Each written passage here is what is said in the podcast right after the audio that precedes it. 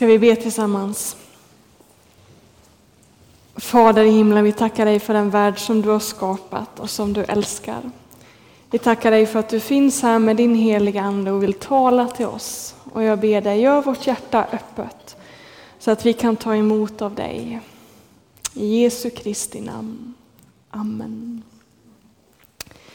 Hittills har vi haft sju predikningar i höst kring temat omvändelse. Har du missat någon av de här predikningarna så går det bra att gå in på hemsidan sen och lyssna på dem i efterhand. Men idag är det alltså dags att avsluta den serien. Eh, och temat idag är hjärtats omvändelse. Hjärtats omvändelse. Ni vet det kluriga med att följa Jesus, det är ju att det räcker ju inte med att bara bestämma sig för att göra det. Ni vet när det gäller liksom att äta sundare och börja träna, då, då handlar det ju bara om att bestämma sig och få det gjort, lite självdisciplin. Men eh, att följa Jesus och bli lik honom i allt, då krävs det någonting mer än självdisciplin. Då krävs det en förvandling. Det behöver ske någonting med hjärtat. Jag vet inte hur det är med dig, men jag möter i alla fall ibland människor som jag har väldigt svårt att älska. Personer som har gjort saker mot mig eh, som gör att jag har svårt att älska den människan. Och ändå vet jag att jag som kristen framförallt har fått ett enda bud som jag verkligen ska bemöda mig om att följa och det är att älska Gud av hela mitt hjärta och min nästa som mig själv. Och ändå kommer man ju gång på gång in i sådana situationer man märker att det går inte. Jag kan inte älska, jag kan inte förlåta. Jag kan inte bemöta den här människan så som Kristus skulle ha bemött den här människan. Och det värsta är ju att det inte går att dölja ibland. Alltså det spelar ingen roll hur trevlig jag är, hur snäll jag är. Det syns ändå på ögonen att jag inte älskar. Och det där kan vara förkrossande att vara med om det. Att det räcker inte. Det räcker inte med att jag gör mitt bästa. Hur blir man då en god människa? Hur kan man lära sig att älska så som Jesus älskade? Det är vad den här predikan handlar om.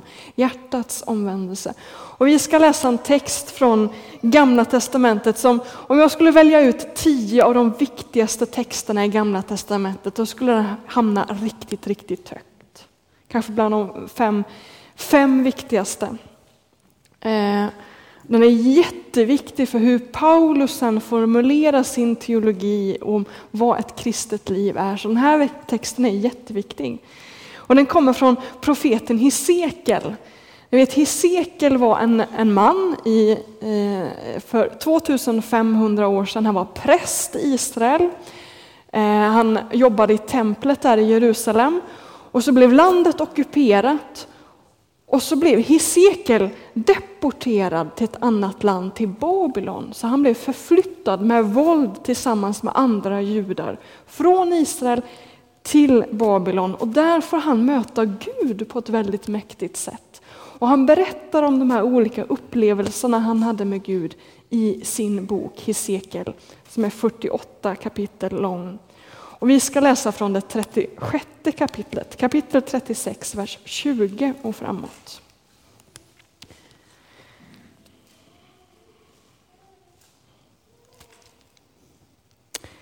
Och det handlar om judarna. Vart det än kom bland de främmande folken vanärade det mitt heliga namn. Man sa om dem, det är Herrens folk och ändå har de fått lämna hans land. Det plågade mig att israeliterna vanärade mitt heliga namn bland folken de kom till. Säg därför till Israels folk, alltså det är Gud som säger det här. Så säger Herren Gud, det är inte för er skull som jag ingriper israeliter, utan för mitt heliga namn som ni har vanärat bland det folk ni har kommit till. Ni har vanärat mitt mäktiga namn överallt bland folken. Det har blivit vanärat, men jag ska visa hur heligt det är. Genom er ska jag visa min helighet inför folken. Då ska de inse att jag är Herren, säger Herren Gud. Jag ska hämta er hos de främmande folken, samla in er från alla länder och föra er till ett eget land. Sedan ska jag bestänka er med rent vatten och göra er rena. När orenat er med alla era avgudabilder, men jag ska göra er rena. Jag ska ge er ett nytt hjärta och fylla er med en ny ande. Jag ska ta bort stenhjärtat ur kroppen på er och ge er ett hjärta av kött. Med min egen ande ska jag fylla er och jag ska se till att ni följer mina bud och håller er till mina stadgar och lever efter dem. Ni ska få bo i det land jag gav era fäder. Så ska ni vara mitt folk och jag ska vara er Gud.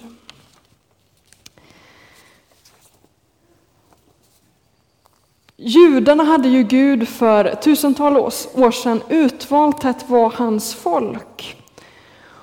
Och han hade utvalt dem till att vara hans folk för att de skulle göra två saker. För att de skulle fira gudstjänst inför Guds ansikte och hela jordens vägnar. De skulle vara hela jordens präst inför Guds ansikte, tacka honom, tillbe honom. De skulle vara ett heligt folk som genom sin livsstil vittnar om att Gud är en helig Gud, en Gud som älskar, en Gud som är god. De skulle vara ett heligt folk som skulle ära Gud genom sina böner och genom sin livsstil. Genom att fira gudstjänst och genom sin livsstil. Men det där försummade judarna gång på gång. Man försummade gudstjänsterna, bönelivet, man försummade livsstilen. Man levde inte efter den undervisning som Gud har gett dem. Och så stod det i den här texten att vart än judarna kom, alltså vart, vilket land man än reste till som judar, så vanärade man Guds namn. För att man inte levde som Gud hade sagt, för att man inte tillbad Gud.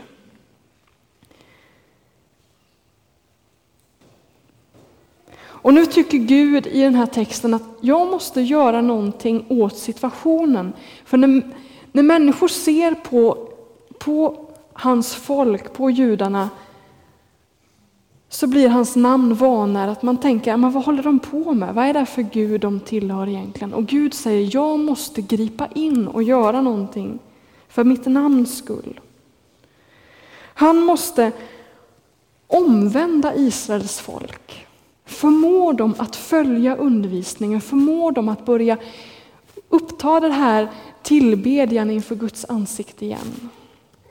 Gud måste göra någonting och han säger, det är för, för min skull jag ingriper, för att mitt namn ska bli ärat.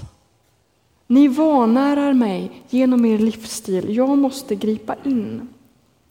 Och det där återkommer gång på gång i Bibeln, att Gud gör saker för sin egen skull, för att hans eget namn ska bli ärat. Vi tror ju många gånger att vi är världens centrum, men det är vi inte. Det är vad omvändelse handlar om, att upptäcka att den som är i centrum, det är Gud och hans större ära. Visst är det så att Gud frälser oss, söker oss för att han älskar oss. Men det är också för att hans namn ska bli ärat och uppenbarat, att människor ska förstå vem han är, att han är god, att han är kärleksfull, att han är värd att tillbe. Och det är därför vi firar gudstjänst här. Vi firar gudstjänst primärt för att Gud ska bli ärad. Det är vad allting handlar om. Du, ja, det är vad det handlar om. Och den här texten säger att nu vill Gud gripa in för att göra någonting åt saken. Han vill på nytt skapa ett heligt folk, ett folk som som ska följa honom i allt. Som ska gå på hans vägar, som ska leva ett heligt liv inför hans ansikte. Han vill gripa in. Han vill att människor ska tänka att Titta, de som tillhör Gud, de är goda människor. De är människor som älskar, som strålar ut av Guds helighet. De måste tro på en väldigt god Gud. Det måste vara något speciellt med den här guden. Så vill Gud att människor ska tänka. Det ska vara något speciellt med Guds folk som gör att människor börjar ära Gud. Gud vill ha ett folk som är, som är goda, som är kärleksfulla, som är vänliga, fridsamma, varma, fyllda av empati och medkänsla. Och framförallt, Gud vill ha ett folk som älskar sin nästa som sig själv. Och det vill han för att hans namn ska bli ärat. Gud vill göra dig till en god människa, inte för att du ska komma in till himlen. Det är inte det det handlar om. Att Gud vill göra dig till en god människa för att hans namn ska bli ärat. Om man kommer till himlen eller ej har inte med, med godhet att göra, det har med förtröstan, med tro, med tillit att göra. Men Gud vill göra dig till en god människa som, som strålar av hans kärlek, medkänsla, empati för att hans namn ska bli ärat. För människor ska tänka Wow, vilken Gud det här måste vara som den här människan tror på. Vi ska gå på omvändelsens väg för att Guds namn ska bli ärat. Och vi vet att det är så svårt. Vi vet att människor gång på gång säger att ah, Guds folk, vad håller de på med egentligen? Ska den där vara kristen? Ska den tro på Gud så som den håller på? Och problemet är ju att det räcker ju inte att bara bestämma sig för att bli en god människa. Att börja följa Jesus på allvar. Visst behövs besluten, visst behövs viljan, men det räcker ju inte. Jag kan bestämma mig för att vara trevlig, kärleksfull, god. Men det lyser igenom mina ögon vad som finns här inne. Det är ju det som är kruxet. Det krävs någonting mer. Och det är den, det, det här någonting mer som den här texten handlar om. Vad Gud tänker göra för att förvandla sitt folk. Det stod i texten, jag ska göra er rena. Jag ska ge er ett nytt hjärta. Jag ska fylla er med min egen ande. Varför ska Gud göra allt detta? Jo, stod det, för att ni ska följa mina bud och stadgar. Gud gör sitt folk rena. Gud ger sitt folk ett nytt hjärta. Gud fyller sitt folk med sin ande för att de ska få kraft att kunna praktisera undervisningen, få kraft att kunna gå Guds väg. Därför fyller Gud sitt folk med sin ande, så att hans namn ska bli ärat. Så att människor ska förstå vem Gud är. Det är därför han, han vill förvandla oss, varför han vill forma oss, varför han vill göra oss lika Jesus.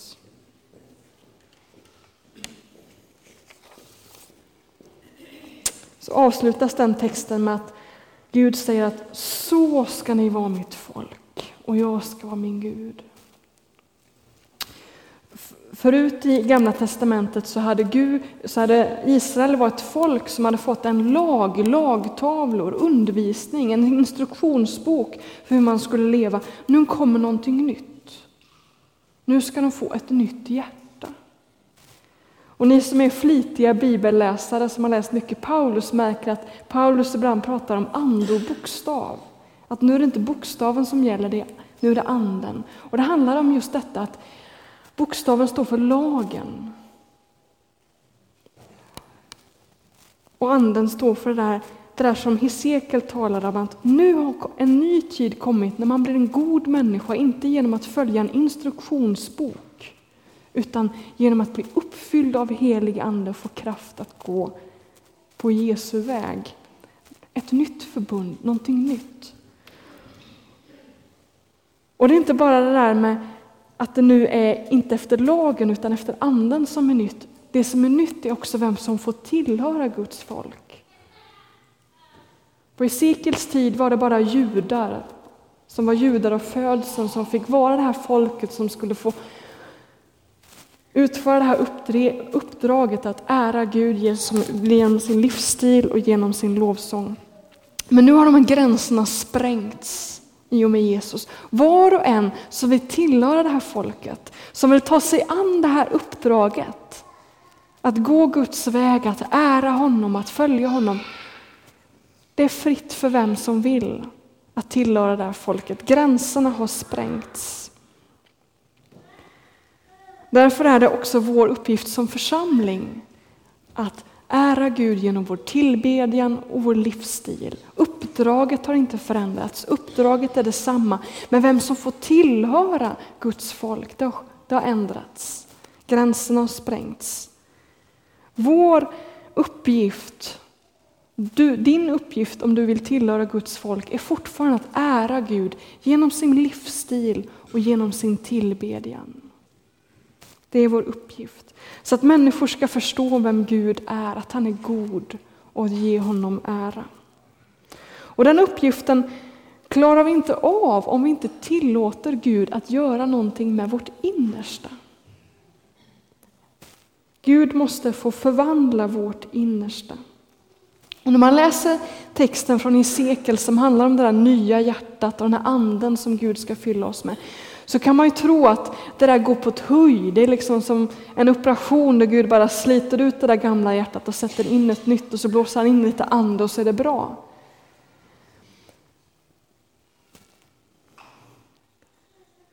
Men tyvärr går det inte så snabbt. Och allt det där handlar Paulus brev om, att det där är en långsam förvandlingsprocess som Gud just nu håller på att utföra. Och jag tänkte vi skulle läsa en liten vers från ett brev, Filipperbrevet, som, som vi ofta citerar i kristna sammanhang och, och, och, och, tillämpar lite på allt möjligt. Men det här bibelordet handlar just om detta, att det här är ett verk som Gud startade på pingstdagen då anden föll över alla möjliga människor och som han tänker fullborda. Så här står det i Filipperbrevet. Jag är övertygad om att han som har börjat ett gott verk hos er också ska fullborda det till Kristi Jesu dag. Vad är det som ska fullbordas? Jo, det är projektet att skapa ett heligt folk. Ett folk som består av människor som är lika Jesus. Det är det här verket som ska fullbordas till Kristi Jesu dag. Vad är det för dag? Jo, det är den dag då Jesus kommer tillbaka för att döma levande och döda. Och då säger Paulus att på den dagen, då kommer det verket vara fullbordat.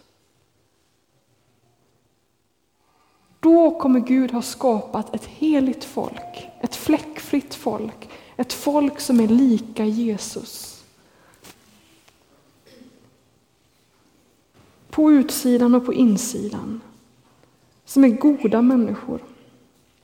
Det här är ett verk som startar den dag man tar emot den treenige guden i sitt liv. Fader, son och helig ande. Och det är någonting som får fortsätta och fortgå varje dag. Varje dag får man öppna sitt inre och säga Kom helig ande och fullborda ditt verk i mig. Skapa i mig Gud ett rent hjärta. Skapa i mig Gud ett hjärta som kan älska ett hjärta som förmår gå din väg i alla situationer. Gör mig mer lik Jesus. Det är vad det kristna livet handlar om. Att varje dag inbjuda Gud i ens liv och säga skapa i mig Gud ett rent hjärta. Gör mig till en god människa. Låt människor få möta Kristus när de möter mig. Låt det få lysa igenom i mina ögon att du är en god Gud. En Gud fylld av medkänsla, empati, godhet, vänlighet. Det är vad frälsning handlar om. Att bli frälst för att kunna gå Guds väg. Att bli befriad för att kunna gå Guds väg och leva ett liv i godhet. Det är vad Bibelns undervisning handlar om. Och det finns inga hopplösa fall. Det är lätt att börja misströsta när man sätter igång det här projektet att nu minsann ska jag följa Jesus, nu ska jag minsann skärpa till mig här. Och vi märker att vi faller gång på gång på gång så upptäcker man att man hamnar i situationer allt annat än Jesus lyser igenom. Och då får man bara tacka Gud för att hans nåd är så oerhört stor, att han förlåter mig, att han renar mig, att han ger mig ett nytt hjärta, att han fyller mig med sin ande och att det inte handlar om mig, utan att det handlar om hans ära. Det handlar inte om att, att jag ska vara god och fin i alla situationer så folk ska säga åh fantastisk person Eleanor är. Utan det handlar om att man ska säga att vilken Gud Eleanor tror på. Som kan fylla henne, ska fylla henne med sin ande, som kan förvandla henne.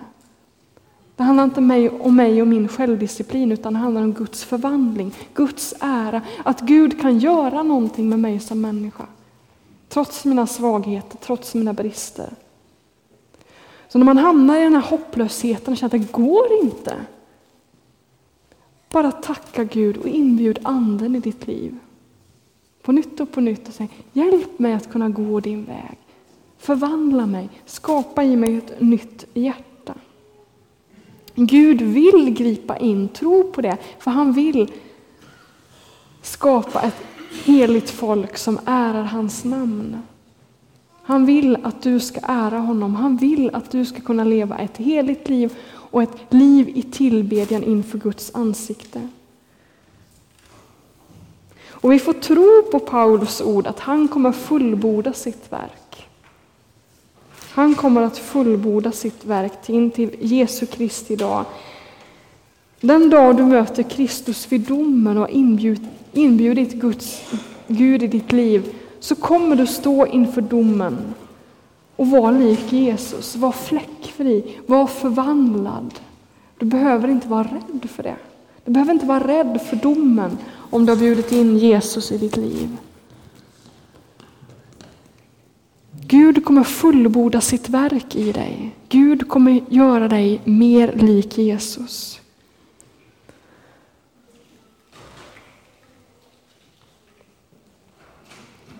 Gud vill ha ett folk som ärar honom genom sin livsstil och genom sina böner.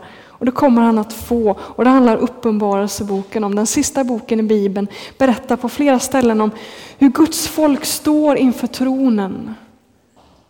I vita dräkter, försonade, renade, förvandlade. Och de står inför tronen och jublar av glädje. Du som tycker att det är tungt, du som inte kan tacka, du som inte klarar av att be, du som inte klarar av att gå Guds väg. Har du överlåtit ditt liv i Guds händer så kommer han förvandla dig.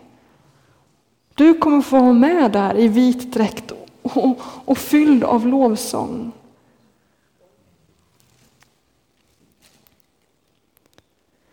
Förra söndagen så avslutade jag min predikan genom att hänvisa till de två sista verserna i Judas brev och det kommer jag göra idag med. Jag kommer avsluta min predikan med, med de orden. Och det är ord som jag gång på gång kommer tillbaka i mitt eget liv. När jag märker att jag har svårt att tillbe Gud. Jag är rädd för att, att jag kommer gå fel väg, att det kommer misslyckas alltihopa. Så, så går jag till den här, de här fantastiska verserna och låt oss läsa dem. Han som kan skydda er från fall och ställa er inför sin härlighet, fläckfria, jublande, den enda guden som har räddat oss genom vår Herre Jesus Kristus. Hans är härligheten, storheten, styrkan, makten, före all tids början, nu och i all evighet. Amen. Du som brottas med ditt liv får falla tillbaka på den här versen. Han kan skydda dig från att gå vilse. Han kan förvandla dig. Han kommer ställa dig inför sin tron fläckfri och jublande. Tro på det, våga tro på det. Vi ska alldeles strax gå in i en bönestund. Då får vi komma ihåg att det vi gör i gudstjänsten det är att vi ärar Gud. Att vi tillber honom. Det är vår uppgift som Guds folk. Att hans namn ska bli ärat. Det är om honom det handlar om. Det är därför du är här. För att vara med i den här tillbedjan, i den här bönen. Och man kan be på olika sätt. Man kan be i bänken. Man kan stå upp, man kan sitta ner, man kan få falla på knä eh, vid den här mattan om man vill. Man kan med, med sin kropp demonstrerar han bön genom att tända ett ljus i ljusbäraren. Vet, bön handlar inte bara om vad som, vad som sker här inne i huvudet utan handlar också om vad man gör med kroppen. Att gå fram, att falla på knä, att sträcka upp händerna. Att tända ett ljus och be en bön och säga Gud gör mig till en helig människa. Gör mig till en människa som kan reflektera din kärlek. Gud, jag vill att när människor möter mig så ska ditt namn bli ärat. Jag vill att när människor möter mig så ska de få möta din kärlek. Jag vill vara ett salt och ett ljus i den här världen. Omvändelse handlar inte primärt om att, om att du ska komma till himlen, utan det handlar om att Guds namn ska bli ärat. Det är därför vi omvänder oss. För att Guds namn ska bli ärat. Och i en sån bönestund får vi vara nu här i gudstjänsten. Där vi i bänken får bara tacka Gud för att han förmår oss göra oss till heliga människor. Att han förmår byta ut vårt hjärta till ett hjärta som kan älska andra människor. Ett hjärta som, som praktiserar och visar godhet. Vi får tacka Gud för detta stora, att han vill förvandla oss. Och så får vi inbjuda Gud att göra ännu mer i våra liv. Att förvandla oss ännu mera. Och så får vi be för varandra. Att vi blir till heliga människor. Och vi får göra det genom att gå till en förbedjare till exempel som kommer sitta på den bänken här längst fram och så kommer stå där nere vid trappan. Då kan man gå till en förbedjare och säga be för mig. Be att jag, att jag blir en människa som älskar andra människor. Eller ett annat bönämne som du kanske har på ditt hjärta. Det får du dela med de här förbedjarna. Men Ungdomskörslägret ska få leda oss i lovsång. Och så får vi vara inför Guds ansikte, ära honom med våra läppar, med vår tanke och med vår kropp. Och så får vi tända ljus i ljusbäraren om vi vill, falla på knä, stå upp eller sitta ner, gå till förbön eller sitta kvar i bänken. Så låt oss vara i bön en stund här. Fader i himlen, vi tackar dig för detta stora. Att du inte ger upp, att du vill att ditt namn ska bli ärat. Och jag tackar dig för att det verket kommer att bli fullbordat. Jag tackar dig för den dagen då människor från alla länder, folk och språk ska stå inför din tron och ära dig, jubla av glädje över din frälsning som blivit fullbordad. Jag tackar dig för att du är mäktig till att förvandla oss till den dagen så vi får vara med. Att vi får vara med i den skara som ärar dig genom sin bön och genom sin livsstil. Och jag vill be för den som, som misströstar, som inte har något hopp längre och som känner att det här går inte. Jag förmår inte. Kom och fyll den personen med din heliga Ande just nu. Och hjälp den att fästa sina ögon på din nåd och förstå att det är inte kört. Det är inte kört för en enda människa. Herre, gör oss till heliga människor Lär oss att lovsjunga dig av hela vårt hjärta, att älska vår nästa som oss själva. Jag ber att när människor möter oss på stan, eller på jobbet eller på andra ställen så ska de tänka, åh, vilken Gud de måste tro på. Det är något speciellt med den här guden. Vi vill att ditt namn ska bli ärat genom vår livsstil. Och så vill jag be för den människa som sitter här i gudstjänsten och som ännu inte tillhör dig, som inte tagit ett sådant beslut. Jag ber att du skulle fylla den med din heliga ande så att den förmår våga ta ett sådant beslut. Att säga jag vill tillhöra dig, jag vill gå in i den här uppgiften, jag vill ta emot din kärlek och din förvandling. Kom till den personen just nu och skapa ett nytt hjärta. Herre, vi överlämnar oss i dina händer. I Jesu Kristi namn. Amen.